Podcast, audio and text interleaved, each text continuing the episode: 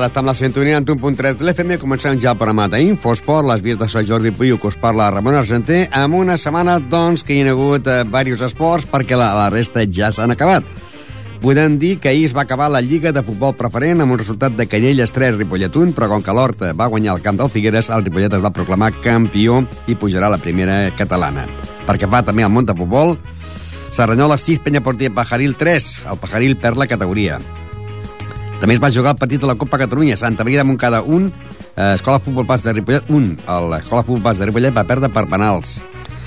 Uh, futbol sala, categoria segona, que, o sigui, per front, on hi ha l'equip del Ripollet B, que falten un parell de jornades, i aquesta setmana va guanyar el Santa Coloma Cervelló per 2 a 5. El dijous jugarà a casa un partit que es pot jugar a la Lliga contra el Llagostense, i també avui jugaran el partit Ripollet-Vilanova de la Copa de Handball. I hem de dir que en el món del tenis tala èxit en els campionats de Catalunya amb 6 medalles pel Club Tenis Tala Ripollet.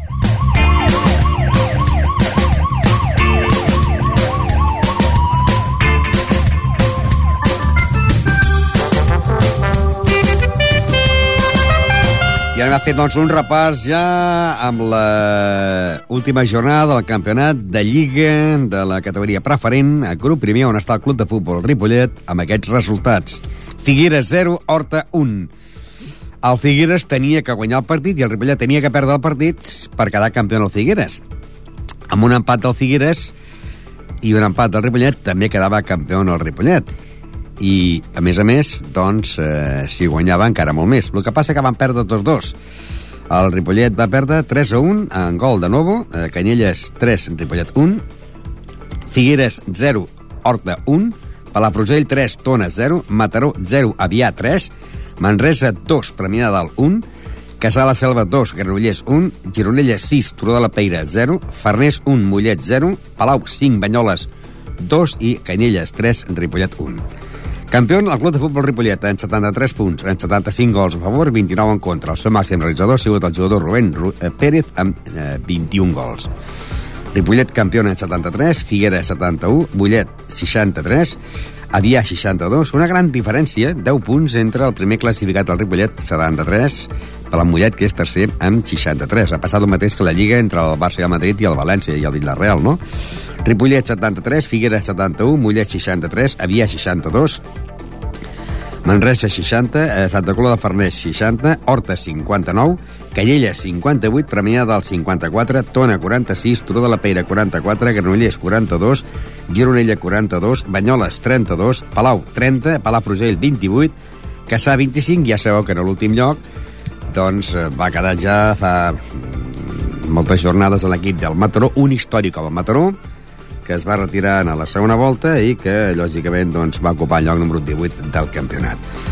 Eh, hem de dir que el dilluns tenia que fer unes quantes trucades i vam tenir una avaria eh, on podíem trucar la gent, el que passa que no podíem fer-los entrar en directe. Eh, jo, precisament, ahir vaig, i avui aquesta han estat els tècnics aquí per arreglar-ho, jo vaig que, parlar ahir precisament amb el president del Ripollet, Xisco Inglada, amb el segon entrenador de la Penya Bordia Bagaril, José Antonio Torres, i amb l'entrenador de l'equip de l'Escola Futbol Base de Ripollet, Xesco, de que el problema que teníem el divendres, que no sabíem si avui el tindríem o no, que si no el trucava més que no podíem entrar en directe i si el trucava més que sí podíem entrar en directe i això és el que està fent ara el nostre company Jordi Buit entrar en directe amb Cisco Inglada, eh, president del Club de Futbol Ripollet. Cisco Inglada. Hola, bona tarda. Bona tarda i felicitats. Moltes gràcies. Bé, es bueno, ja la setmana passada ja es va fer doncs, tots aquells homenatges a Ugarte, a Salva, van, et van mantejar tu, van mantejar l'entrenador, van mantejar tots perquè ja celebràveu, doncs podríem dir, el pujar a la primera catalana. Però clar, aquesta setmana tenia un partit importantíssim perquè es tractava de guanyar al camp del Canyelles i que no guanyés el, el Figueres. El Figueres va perdre, el Vella va perdre, tot i amb això campió. Però jo et vaig trucar tu i tu no vas anar-hi al partit. No, no, no. Què et feia por, eh, nervis o no, què? No, no, perquè, bueno, tenia una obligació i havia quedat de, de no anar-hi, havia parlat amb, amb l'entrenador i no, vaig fer oportú no anar-hi. Tu et pensaves que el Ripollet podia perdre eh, i el Figueres guanyar? Sí, sí, sí. Eh, podia ser molt fàcil. Jo vaig dir, en un altre mitjà de premsa, vaig dir que inclús perdent podíem quedar campions. I mira, així va ser, va perdre el Figueres i va perdre el Ripollet.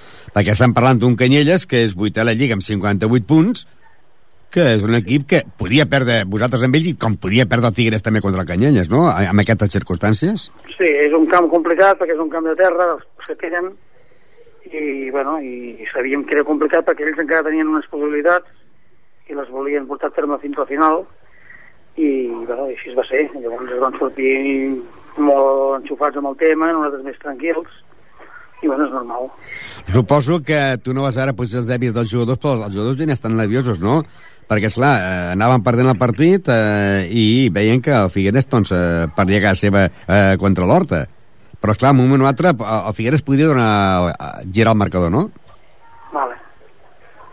A veure, nosaltres, eh, jo estava en contacte amb el president del Figueres perquè em va telefonar el dissabte al matí i llavors m'ho va dir-ho i estàvem en contacte, doncs, ja que, i va dir, bueno, pues, eh, cap problema, dic, ens, ens veurem.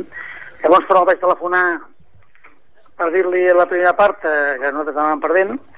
I bueno, nosaltres de moment 0-0 dic, bueno, de moment encara nosaltres serem els campions amb un empat encara heu campions pel gol a baraix sí, sí, llavors, bueno, llavors quan en seguida va començar la segona part va marcar el Mario de l'Horta i en segons em va telefonar i em va dir ho tinc molt negre, eh, aquí avui no hi haurà, no hi haurà perquè jo us puc felicitar dic, però nosaltres ho tenim encara més negre perquè ens han posat el tercer, per tant, llavors estàvem els dos molt clars de que no... O sigui que, no... que hi havia una bona relació entre els dos presidents, no? Ah, sí, n'hi ha molt bona. La veritat és que jo estic molt content pel tracte del Figueres aquest any perquè s'ha comportat doncs, com un equip que és de molta entitat i hem tingut, la veritat, un fair play molt maco, veia, que, que és el que volem continuar tinguent no només amb el Figueres, sinó tots els equips. Bueno, ara, campions, es va celebrar alguna cosa o no? El què? Si va celebrar... Bueno, vam fer un dinar aquí i bueno, es va fer, jo no vaig estar tampoc al dinar, eh? jo vaig dir que demà volia fer una mica de festa perquè bueno, m'he de cuidar una miqueta, m'he de, de mirar d'estalviar una sèrie d'emocions que me les he d'estalviar, i així ho porto, ho porto a. Pues déu nhi ells, ells, ells es van quedar aquí, van, van celebrar, pues, van fer el menjar i bé, bon ambient. Pues per estalviar-te emocions, les emocions ja han, han estat fins al final, no?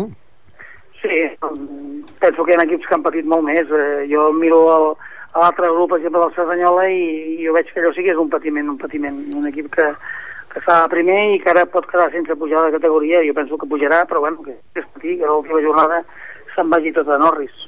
Eh, campions, i ara què? Pues ara estic treballant, bueno, ara jugar a la Copa Catalunya, hem de jugar-la. Aquest proper diumenge suposo que ja d'avui o demà ens donaran el, els plotets, a veure qui ens ha tocat. Ja el que sí que és segur que jugarem a fora. I... Perquè jugareu a, a camp d'un superior, no? Categoria? sí, una, sí, no, d'ara, de moment, ah, no, inferior categoria. Inferior categoria, sí, perdó. Ara sí, inferior.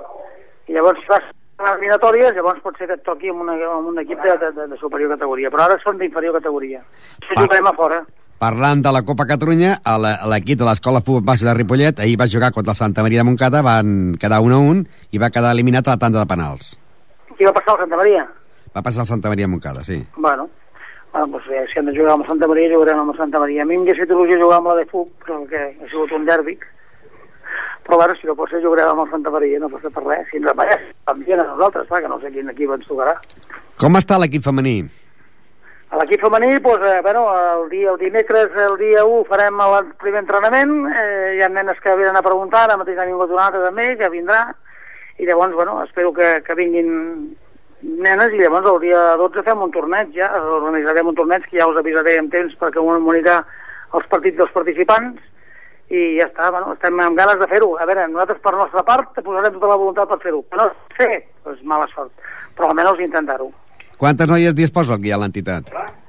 Bueno, doncs a veure, si no ara no ho recordo mal, malament, així que no ho porto jo aquest tema, eh, 9, unes 11 o 12. Bé, no? falten encara 10 més. Ja teniu l'entrenador? Sí, Manolo de Gomar. Manolo de Gomar, home, sí. bé, no? Que serà el coordinador de l'any que ve i portarà, si es fa, l'equip femení. Ja té experiència, vull dir, ja ho coneix. Si ho fem, ho farem el més bé possible, vull dir, eh? és una alternativa més que hem de donar perquè la gent, doncs, altres entitats ho fan, no hem de fer-ho perquè és el moment actual el futbol femení doncs, té un pes específic important a la federació i ho hem de fer-ho. Que no es pot fer? No ens podrem tot a ho hem provat i intentarem provar-ho l'any que ve, ja veurem què passa. Ara encara és d'hora, però eh, ja saps que vacances una cosa i altra i la festa major eh, la tenim a sobre.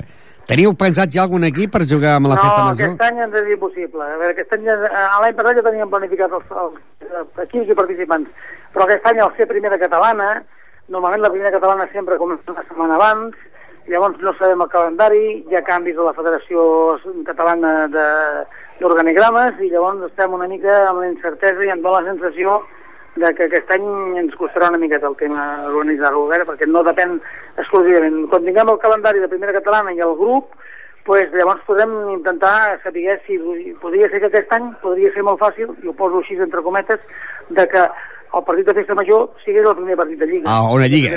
Que en cas de que us toqués, podria- en cas de que us toqués fora, amb motiu de feta major es podria canviar, Es no? podria canviar, es podria canviar si s'arribés a un acord amb la federació de demanar i es pagaríem així per poder-lo jugar aquí a casa. Però bueno, podria ser molt fàcil que aquest any ens passés això. Perquè, esclar, la categoria normal que heu jugat fins ara comença la primera setmana de setembre. Llavors, la primera cadena començaria eh, com, com la primera divisió, quasi l'última Sí, setmana normalment d'agost, no? sempre, la que jugava sempre començava la tercera divisió, i la tercera divisió començava com la primera divisió, i llavors... Però aquest any ja dic, ho desconec molt perquè no hi ha... A veure, suposo que amb aquests moviments que hi ha hagut a la Federació Catalana no hi ha la previsió absoluta i és un canvi nou d'estructura, eh, hi haurà dos grups de primera catalana i realment no se sap, no se sap quan serà l'inici, ho estem indagant, intentant fer-ho, però de moment no hi ha manera. Bé, eh, Cisco, què li diries als aficionats de Ripollet, doncs? L'afició de Ripollet és, eh, t'ho he de dir-ho sincerament, la del futbol és freda, és una afició que els que venen s'ho passen bé, però jo ho tinc molt clar que en el futbol, eh, per sort, per sort a l'esport, l'esport s'ha diversificat molt, vull dir, abans quan la gent només vivia futbol, doncs això era un aconteixement en el poble, però ara hi ha, per sort, eh, ho dic per sort, hi ha moltes entitats que van bé, que fan un treball molt maco, i llavors la, el pastís està molt repartit. Jo, jo l'únic que demano és que la gent doncs, ens recolzi, doncs, que el patronat ens recolzi amb les activitats que fem, que fem, que no ens posin traves, i llavors demano que ens deixin treballar i a l'afició doncs, que es comporti com s'ha comportat aquest any, doncs bé, eh, gaudint dels bons moments, però mm, jo penso que som els mateixos eh, de, de sempre i llavors intentem gaudir els mateixos de sempre. Estem oberts a que vinguin més gent, però és difícil. El món de l'es- el món de l'esport està molt limitat.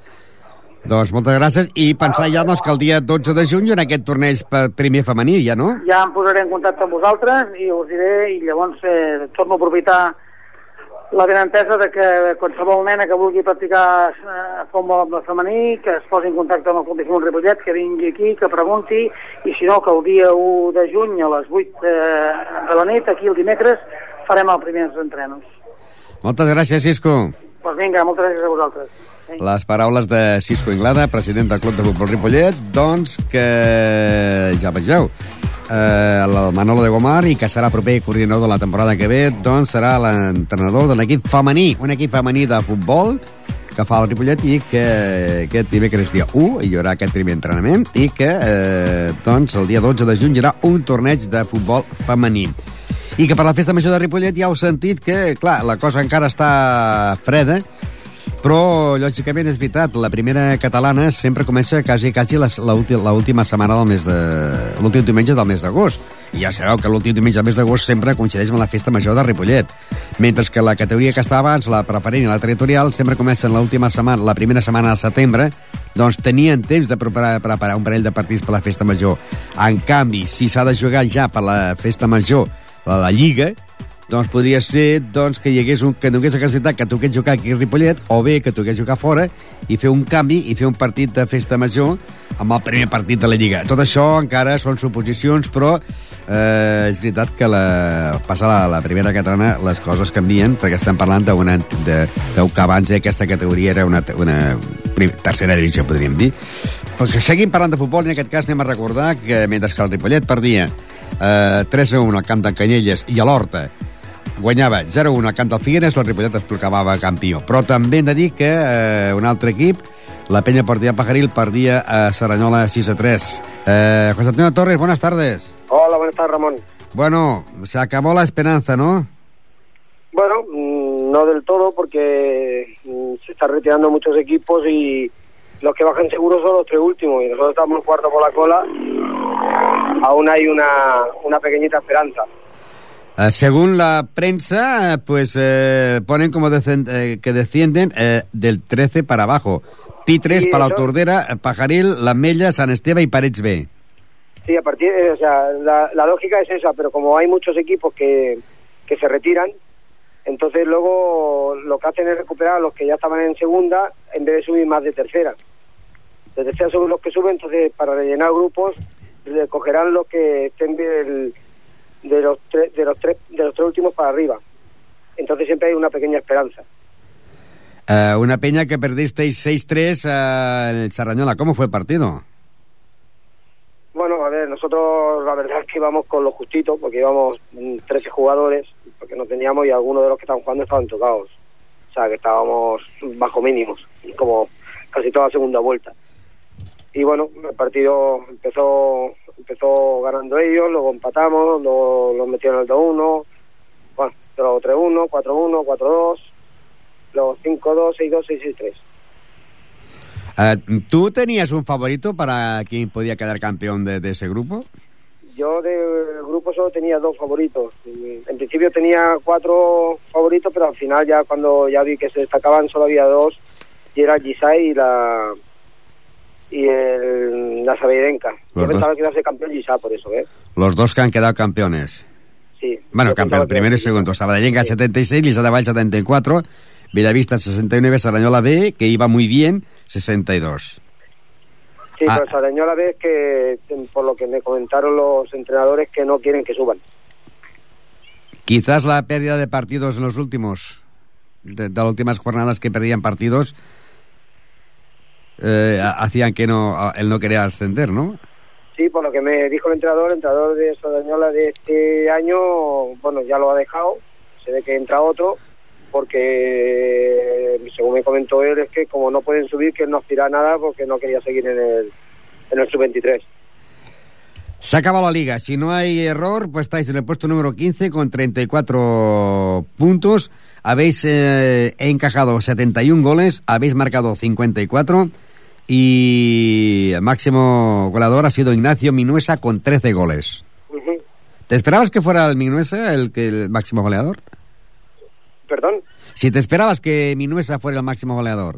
Hombre, yo esperaba si hubiera hecho una temporada como Dios manda que hubiera sido el Ismael, pero el Ismael ha estado mucho mucho tiempo fuera, con sus polemillas y tal. Pero bueno, el Minuesa ya sabíamos que, que sí podía meter goles. Ahí, ahí estaba entre el Minuesa el, y el Ismael y poco más. Yo pensaba que entre ellos estaba el máximo goleador, o sea que no me sorprende, ¿no? Ahora habéis acabado la liga. Eh, ¿Y acabáis o haréis algún torneo o, preparación ya para la próxima temporada? Pues a ver, en principio ahora el domingo hacemos un partido amistoso con, con la escuela porque hacemos el, el, el homenaje a Manolo. Manolo Jiménez, Manolo el coordinador que murió. El delegado. el delegado. Hace unos dos meses y algo. sí. Sé que estaba en coma, tuvo un infarto en el polideportivo. Sí. Manolo Cajerevilla me dijo, le hemos salvado, le hemos salvado, pero luego me enteré que estaba en coma en, en el hospital, ¿no? Pero Sí, no, no, no ya no ¿no? sabía nada más. Se complicó la cosa, murió y le vamos a hacer un partido eh, homenaje el domingo a las 5 de la tarde. Domingo a las 5 de la tarde. Buen horario, ¿no?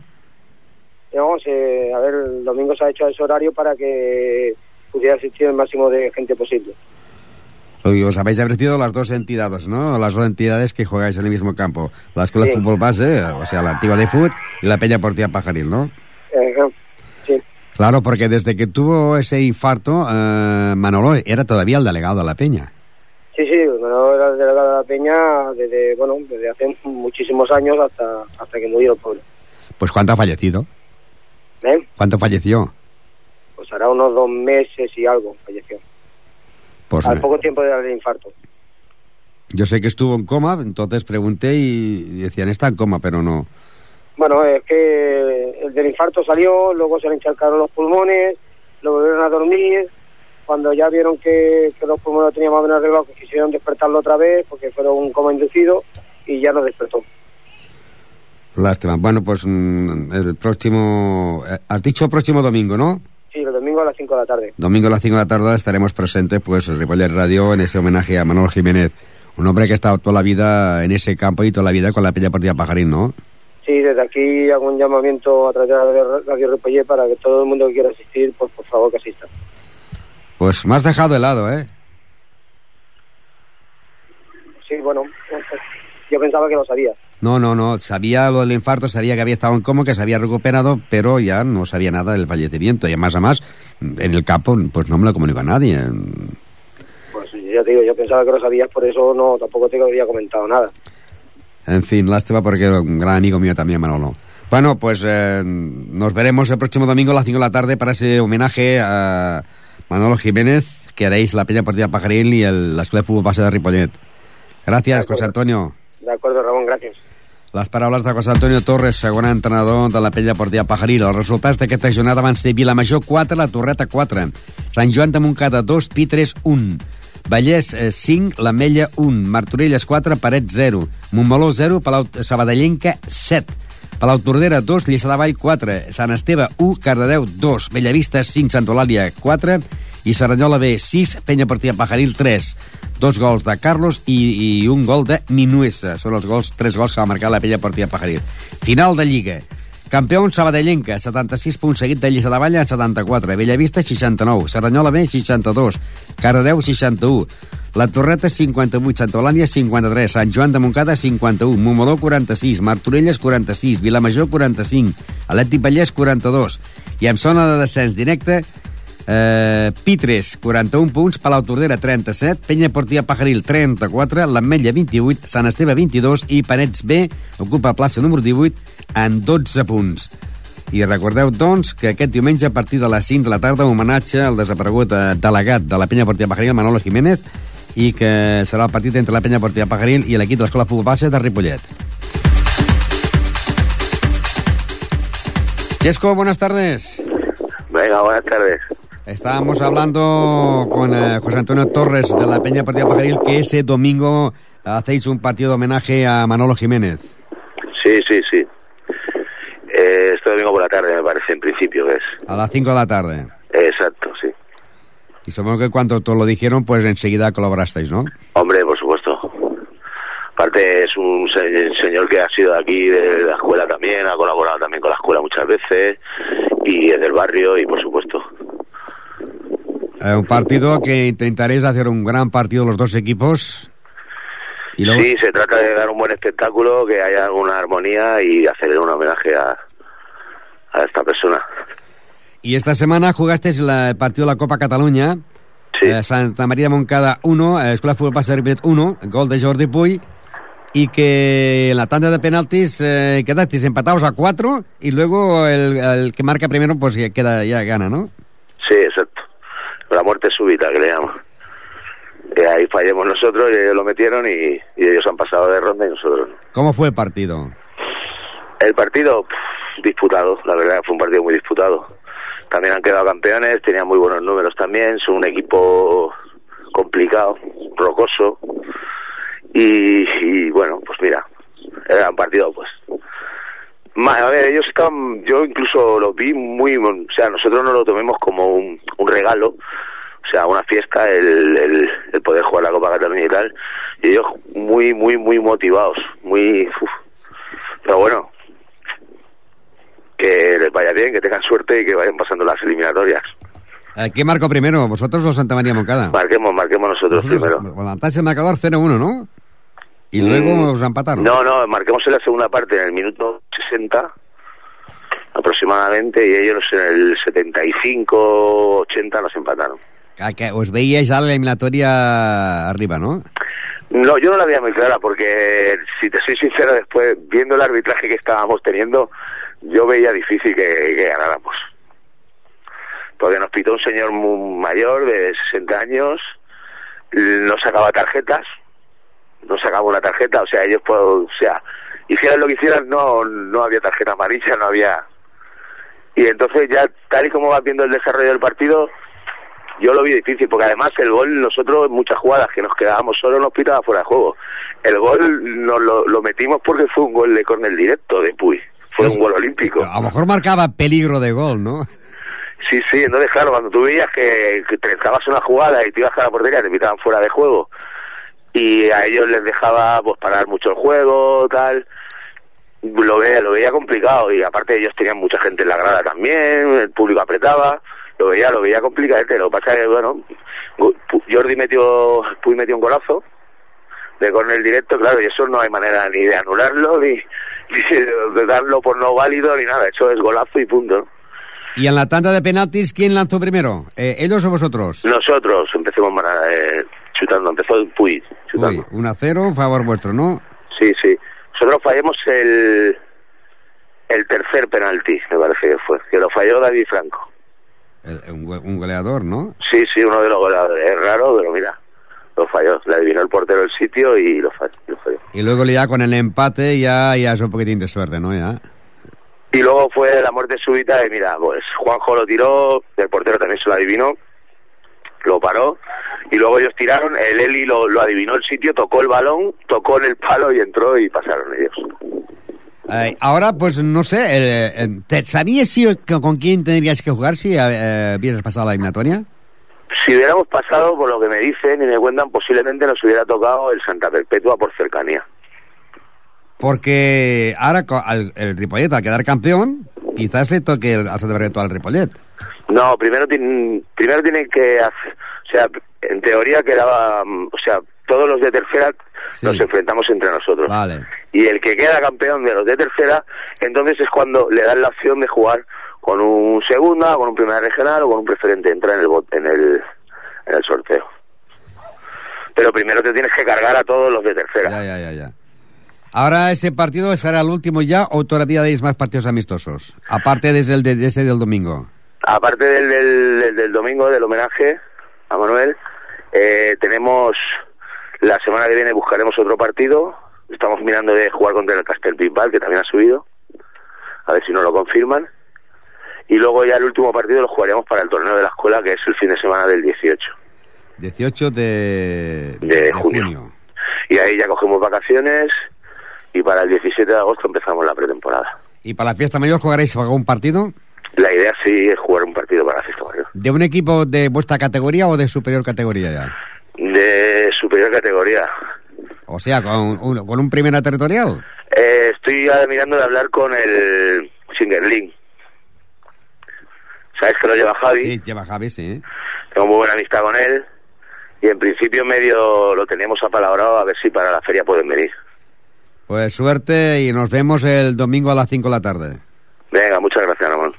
Les paraules de Xesco, entrenador de l'equip de l'Escola de Futbol Base de Ripollet, que van jugar a aquest partit de Santa Maria de Montcada, eh, 1 a 1, a la tanda de penals, doncs, empat a 4, i llavors, doncs, eh, va, parar el porter del Santa Maria de Montcada, i el, el Sant Joan de Montcada va, o sigui, va, va, va marcar el gol, i ha quedat eliminat a l'equip de l'Escola Futbol Base de Ripollet, però això sí, aquest diumenge, a partir de les 5 de tarda, partit am- amistós, en homenatge a Manolo Jiménez, delegat de la penya deportiva Pajaril, entre la penya deportiva Pajaril i l'Escola de Futbol Base de Ripollet.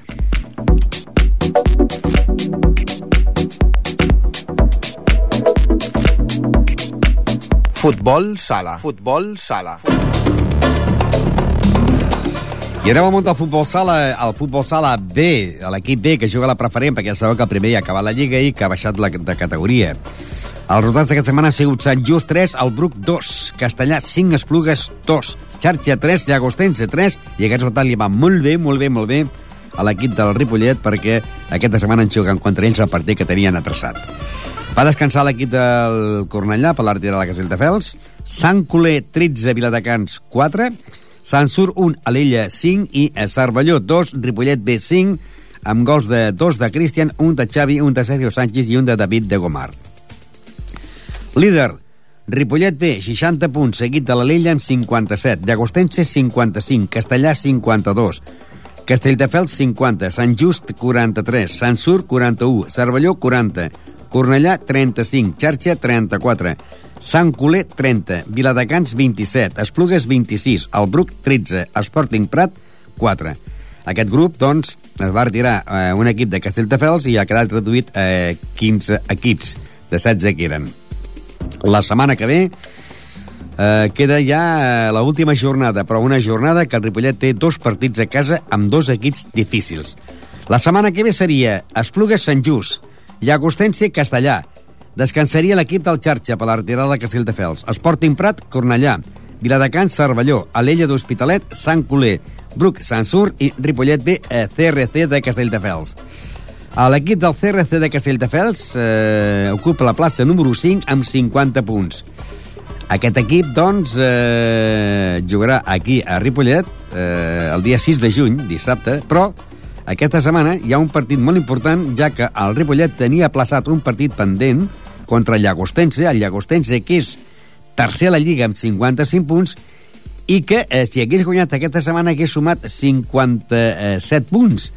Estarien empatats amb l'Alella i una victòria aquí a Ripollet al Llagostense, les coses podrien canviar perquè estarien a 3 punts. Però aquest empat, aquest empat que el Llagostense va obtenir aquest cap de setmana a l'empatar a, a 3 al camp del Xarxa, el Xarxa que ocupa la plaça número 10 amb 34 punts, això fa que el Ripollet, l'equip B, si aquest dijous a partir de les 9 de la nit guanya en el Llagostense, pràcticament es pot dir que una setmana abans eh, de, podria cantar l'Aliron. Però, tot i amb això, encara hauria de jugar a l'últim partit que jugaria a casa contra el CRC de Castelldefels. Com dèiem, el Ripollet és líder amb 60 punts, Uh, la Lella és segon en 57 i el Llagostense és tercer en 55. Els dos equips que venen a Ripollet seran aquest dijous a partir de les 9 de la nit Ripollet B, Llagostense, que és tercer en 55, i l'últim, i el proper, aquest mateix setmana, el dissabte, en Ripollet B contra el TRC de Castelldefels, que és cinquè amb 50 punts. Mentre que l'equip de l'Illa jugaria a casa i sumaria, doncs crec que sumaria 3 punts, 60 punts, per tant el Ripollet eh, eh, es pot dir que té que guanyar un, un guanyant un d'aquests dos partits pràcticament es podria dir que seria campió del grup tercer de la categoria preferent del món del futbol sala.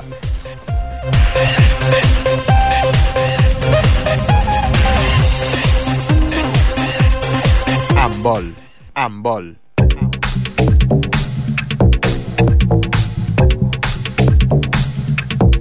I també hem de dir que eh, avui ha handball perquè, perquè doncs, eh, aquest cap de setmana ja sabeu que hi ha hagut en el pavelló d'esports eh, Joan Creus i la pista anexa mm, doncs els campionats de Catalunya categoria Leví i juvenil de tenis taula eh, donava la casualitat de que molts partits eh, se jugaven tots fora, cas del Ripollet que va jugar fora pues clar, el Ripollet de futbol no juguen a, a la pavelló, o la penya, que també va jugar fora, però també va jugar al pavelló, només que eh, l'únic que juga és el Ripollet B, però per la veritat que aquest partit jugava fora.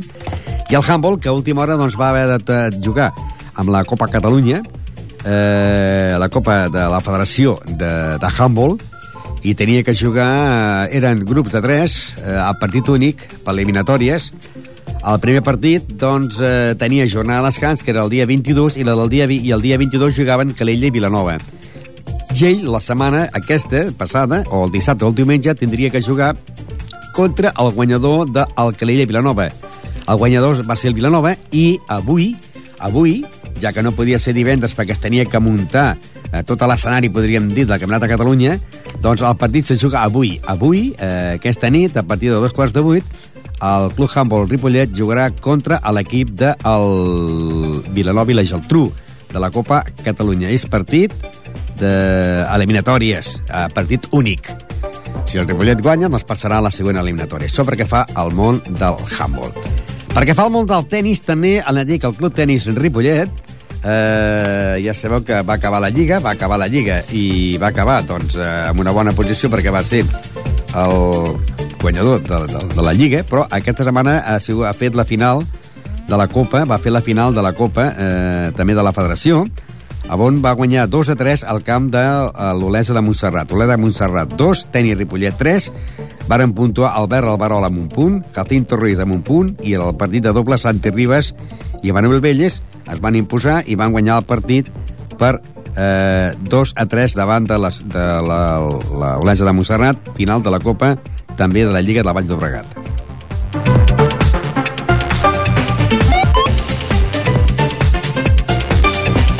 Tenis taula, tenis taula.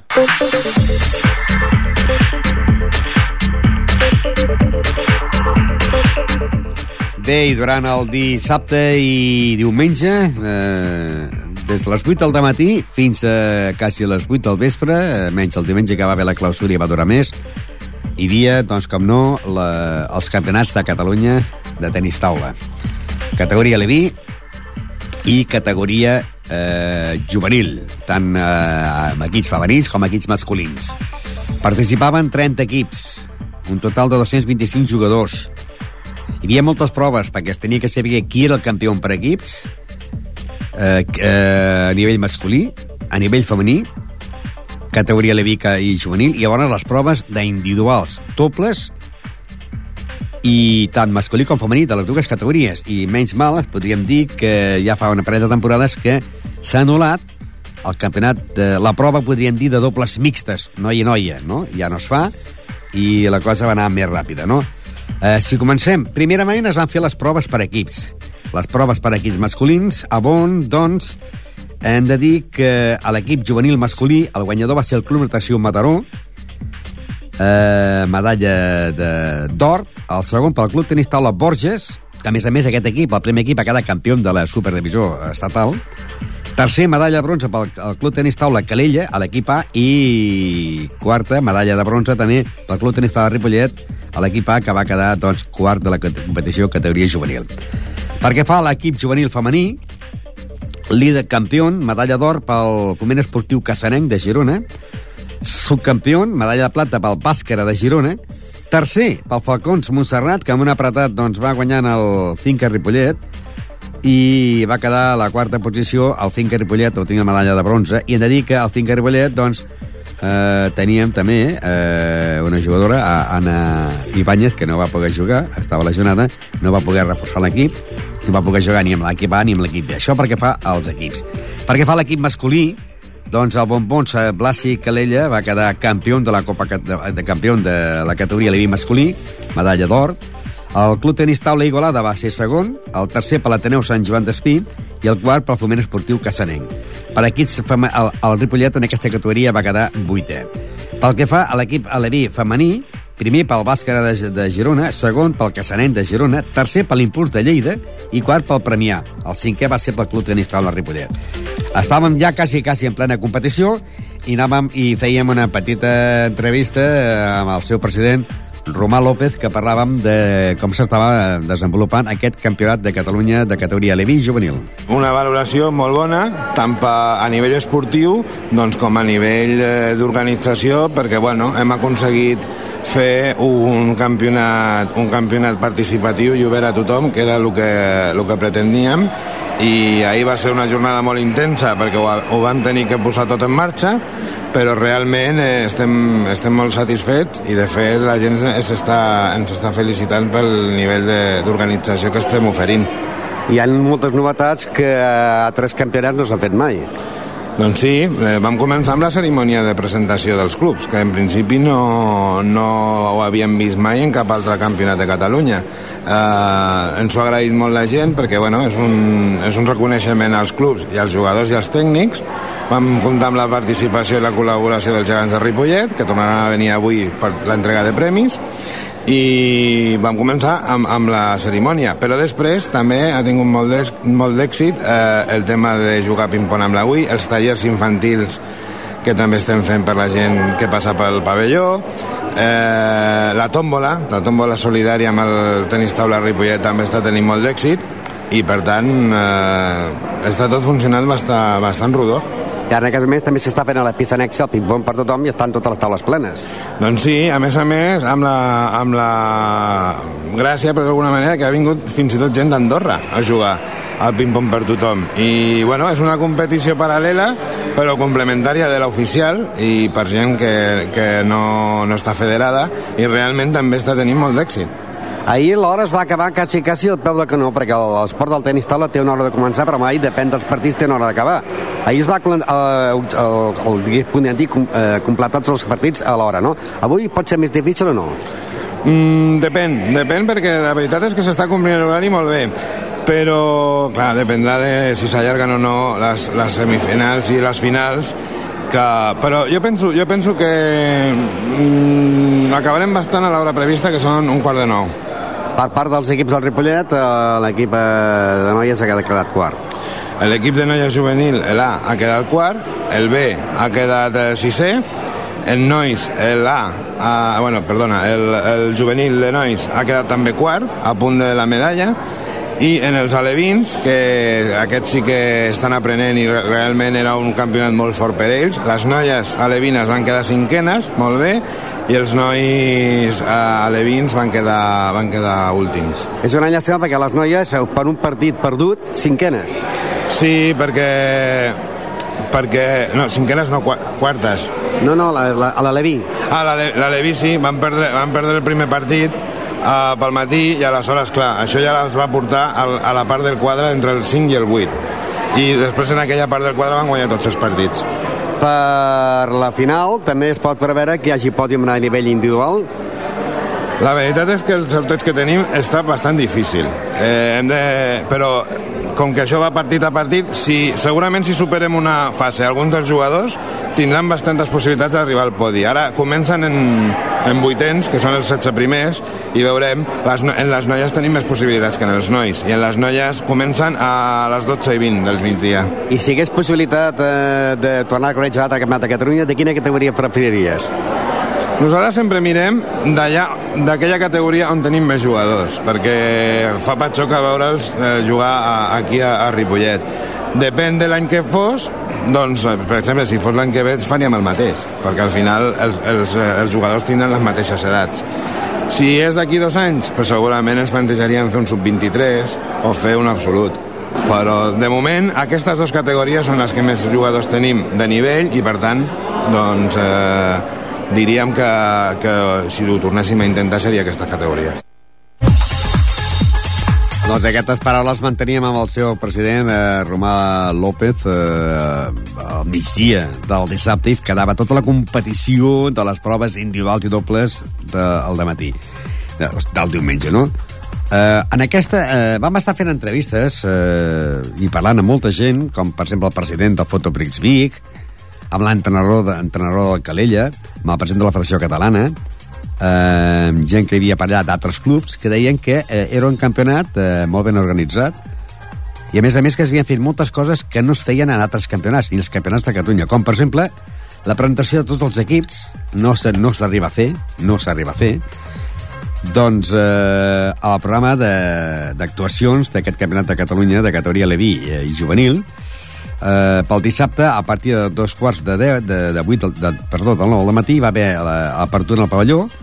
A la pista central on els jugadors ja podien començar a fer els, els entrenaments. De 9.30 fins a les dues hi havia competició per equips sessió de matí.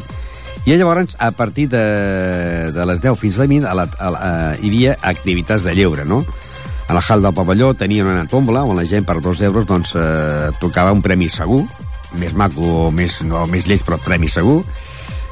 Però hi havia unes grans, eh, podríem dir, eh, gent que col·laborava. No? A més a més, hi va haver la cerimònia d'inauguració, que doncs, eh, no es fa a altres llocs, i aquí, amb uns grans cartells que hi havia en, a les grades del pavelló, on estaven anunciats club per club els 30 equips que van participar en aquests, en, en aquests campionats, doncs es va poder cantar, eh, comptar eh, amb la, aquesta, eh, un desfile de, de tots els jugadors participants de tots els equips, anunciant-lo per la megafonia, ah, amb la presència de eh, els, els gegants de Ripollet, amb el Jordi i la Mariona, que són els gegants petits de Ripollet i que van fer, van ser els padrins del campionat. Uh, va haver Parlament del regidor d'Esports i llavors pues, va continuar la cerimònia. A l'acabar la, a acabar la cerimònia també es va fer el mateix, no? l'estirada de tots els participants. Molts equips ja havien abandonat perquè hi ha equips que, quan acaben la competició, si no es classifiquen per el trofeig, que es les fa l'últim dia, doncs ja se'n van. Si no tenen cap jugador classificat per jugar una fase, a una fases finals tant de individuals o dobles, no?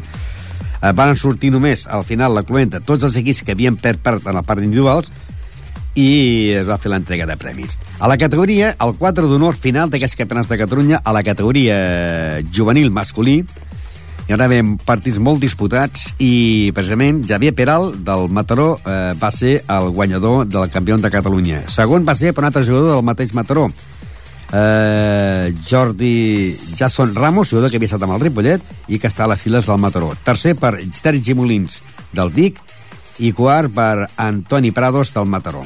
Aquests són els quatre primers classificats que van ser campions al Campionat de Catalunya juvenil masculí. A la categoria individual femenina, eh, juvenil, eh, Nora Escartín, del Bàscara de Girona, va ser la guanyadora, i Mireia Badosa, del Caçà de la Selva, la segona.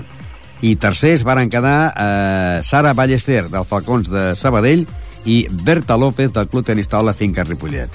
A la categoria Levi masculí, primer va ser Joan Massip, de l'Igualada, segon per Ad Adrià Úbeda, de l'Olesa de Montserrat, i tercer per Sergi López, també de l'Olesa de Montserrat, empatats amb el tercer amb el jugador Abel Martínez del Calella.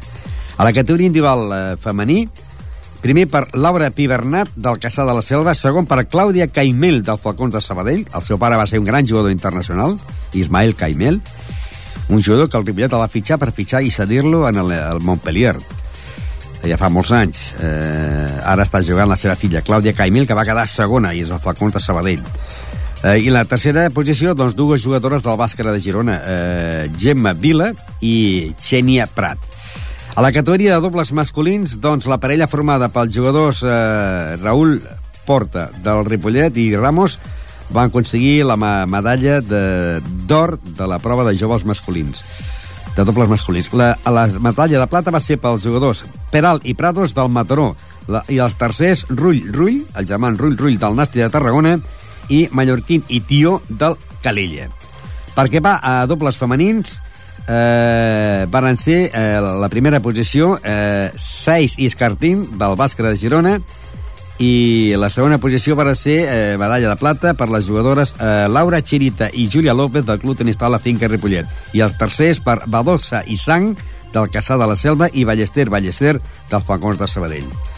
A la categoria de Leví masculí, el guanyador va ser el jugador eh, el, la, dobles, estem parlant de Vinuesa i López, de l'Ateneu i Olesa de Montserrat. Segon per Díaz i Rodríguez, de l'Ateneu. Tercers per eh, Zamorano i Quesada del mm, Mataró. I quarts eh, per Artarcho i Busquets del Caçà de la Selva. I finalment, a la categoria de dobles femenins, eh, Prat Vila del Bàscara de Girona van ser els guanyadors. Eh, Pibernat i Prat del Caçà de la Selva els segons. Costa, eh, Lídia Costa i Gemma Rico del Finca Ripollet van ser les terceres a tenir la medalla de bronze i Mayoral i Gerné van ser també les terceres i que corresponen a l'equip de l'Impuls de Lleida.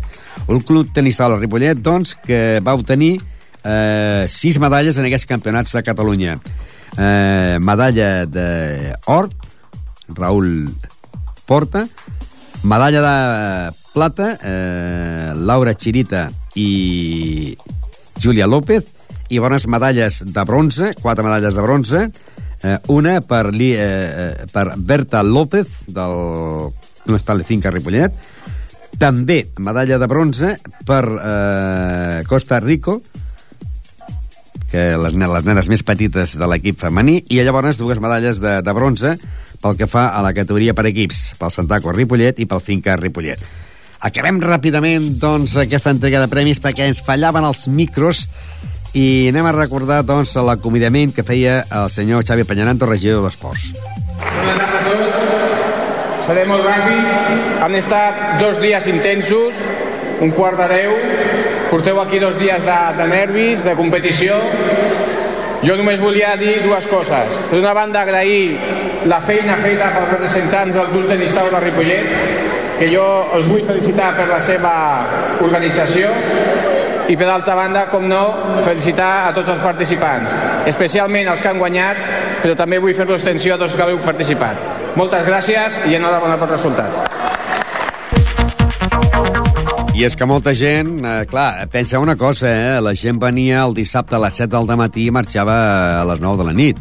I el diumenge arribaven a les 7 del matí i a un quart de 10, com heu sentit les paraules de Javier Peñanando, havíem fet ja punt i final i es veia l'última entrega, no? Llavors ja cadascú marxava doncs, cap a Girona, cap a Lleida i inclús cap a Andorra. Eh, eh, segons la, la pàgina web de la Federació Catalana de Tenis Taula posa gran eh, participació i gran organització d'aquests campionats. Per què? Perquè n'hi van haver doncs, eh, molta participació, 30 equips, no sempre venen 30 equips, 30 equips de tot Catalunya i sobretot pels actes que, que es van fer que no es feien a altres campionats ni tampoc els de Catalunya. Això eh, ha obert, eh, segons va dir el president de la Federació Catalana, el llistó molt alt, ha posat el llistó molt alt, perquè el que ara organitzi un campionat de Catalunya com el proper, que es farà a Caçà de la Selva la setmana que ve, es fa un, perquè ara abans es feia per categories i estaves 15 dies jugant, i ara es van fent per categories eh, cap dos caps de setmana diferent, no? La setmana que ve és Benjamí i sub-21 i es fa a Caçà de la Selva, no? Doncs la Caçà de la Selva diu, noi, us heu, us, ens heu posat el llistó molt alt, no sé si ho podran superar. De totes maneres, doncs, eh, van tenir moltes ganes per intentar organitzar un campionat, ara que hi ha hotels de Ripollet, poder fer un campionat d'Espanya, perquè eh, si en un campionat de Catalunya venen 30 equips format per 3 jugadors i amb àrbits, un campionat d'Espanya són 1.000 jugadors i àrbitres. Llavors ja necessita tenir doncs, eh, hotels per poder acollir tota aquella gent perquè un campionat d'Espanya és una setmana de competició. Tota una setmana de competició. Estem ja a l'ara de final. Recordeu que, que, per exemple, com cada diumenge, l'equip del Club Ciclista Ripollet doncs, fa la seva sortida i que aquesta setmana van fer el Sant Feliu de Puixalleu, aquest diumenge van sortir a les 7 del matí amb un recorregut de 131 quilòmetres que van anar doncs, a esmorzar a Sant Feliu de Buixalleu. Van sortir de Ripollet, Granollers, Cardedeu, Sant Celoni, la Valldòria, Breda, Coll de Noris, eh, Cruïlla, Arbúcies, Hostalric, i van tornar cap a Hostalric, Arbúcies, Coll de Noris, Breda, la Valldòria, Parada, Sant Celoni, La Roca, Montornès, Montcada i Ripollet. I que el proper diumenge ja estarem al mes de juny. El proper diumenge serà doncs, una sortida també a les 7 del matí amb un recorregut de 100 quilòmetres i faran la Creu d'Aragall. Ripollet, Sant Cugat, Castellbisbal, Cruïlla, Martorell, Terrassa, Martorell, Parada, Martorell, Gelida, Creu d'Aragall, allà esmorzaran, cap a Corbera de Llobregat, Monís de Rei, Parada Monís de Rei, Creu de l'Ordà, Vallvidrera, Cruïlla de Sant Cugat, Barcelona, Parada Barcelona, ai, eh, i llavors Sant Cugat i Ripollet. Això serà el diumenge dia 5 de juny a partir de les 7 hores del matí amb un recorregut de 100 quilòmetres i aquestes són les excursions que practica l'equip del Club Ciclista Ripollet. Pels que hagin arribat tard al programa, recordar doncs, de que estem ja a la recta final de la competició, que només queda dilluns que ve, que dilluns que ve, doncs, si no recordo malament, i no recordo malament, si ho recordo bé, és festiu, per tant, festiu a Ripollet, per tant, no hi haurà programa d'esports. Dijous, eh, més ben dit, el divendres, tindrem en directe a José Luis Gordo i a José Luis Pérez, que són dos components que estaven a l'Estila i que ens explicaran del nou equip de futbol que s'està creant a Ripollet, o que ja s'ha ja creat i que debutarà la primera temporada eh, a partir de setembre, que es diu eh, Associació Esportiva Camp Mas Ripollet. Tindrem aquí el divendres a José Luis Gordo i a José Luis Pérez. Ja sabeu que l'Estil es va separar i hi ha hagut dues rames. Una rama creat eh, a l'equip de Sarrià de Ter i l'altre eh, a l'equip de eh, l'Associació Esportiva Camp Mas Ripollet. Doncs deien que pels que hagin arribat tard al programa hem de dir que eh, ahir es va acabar la Lliga de futbol de la categoria preferent. D'aquí felicitem doncs, el Club de Futbol Ripollet perquè, tot i perdent a Canyelles per 3 a 1 en gol de Novo, doncs eh, el perdre també a l'equip de el Figueres davant de l'Horta 0-1, el Ripollet s'ha proclamat doncs, campió de la categoria preferent, grup primer. A la penya portiva Pajaril va perdre la categoria després de perdre eh, al camp dels per 6 a 3 perquè fa a la Copa Catalunya l'Escola Futbol Base de Ripollet va perdre la tanda de penals amb el Santa Maria Montcada. Va acabar el partit amb un empat a un, va acabar la tanda de penals empat a 4 i llavors qui marcava eh, i l'altre que fallava perdia va quedar eliminat a la tanda de penals l'Escola Futbol Base de Ripollet.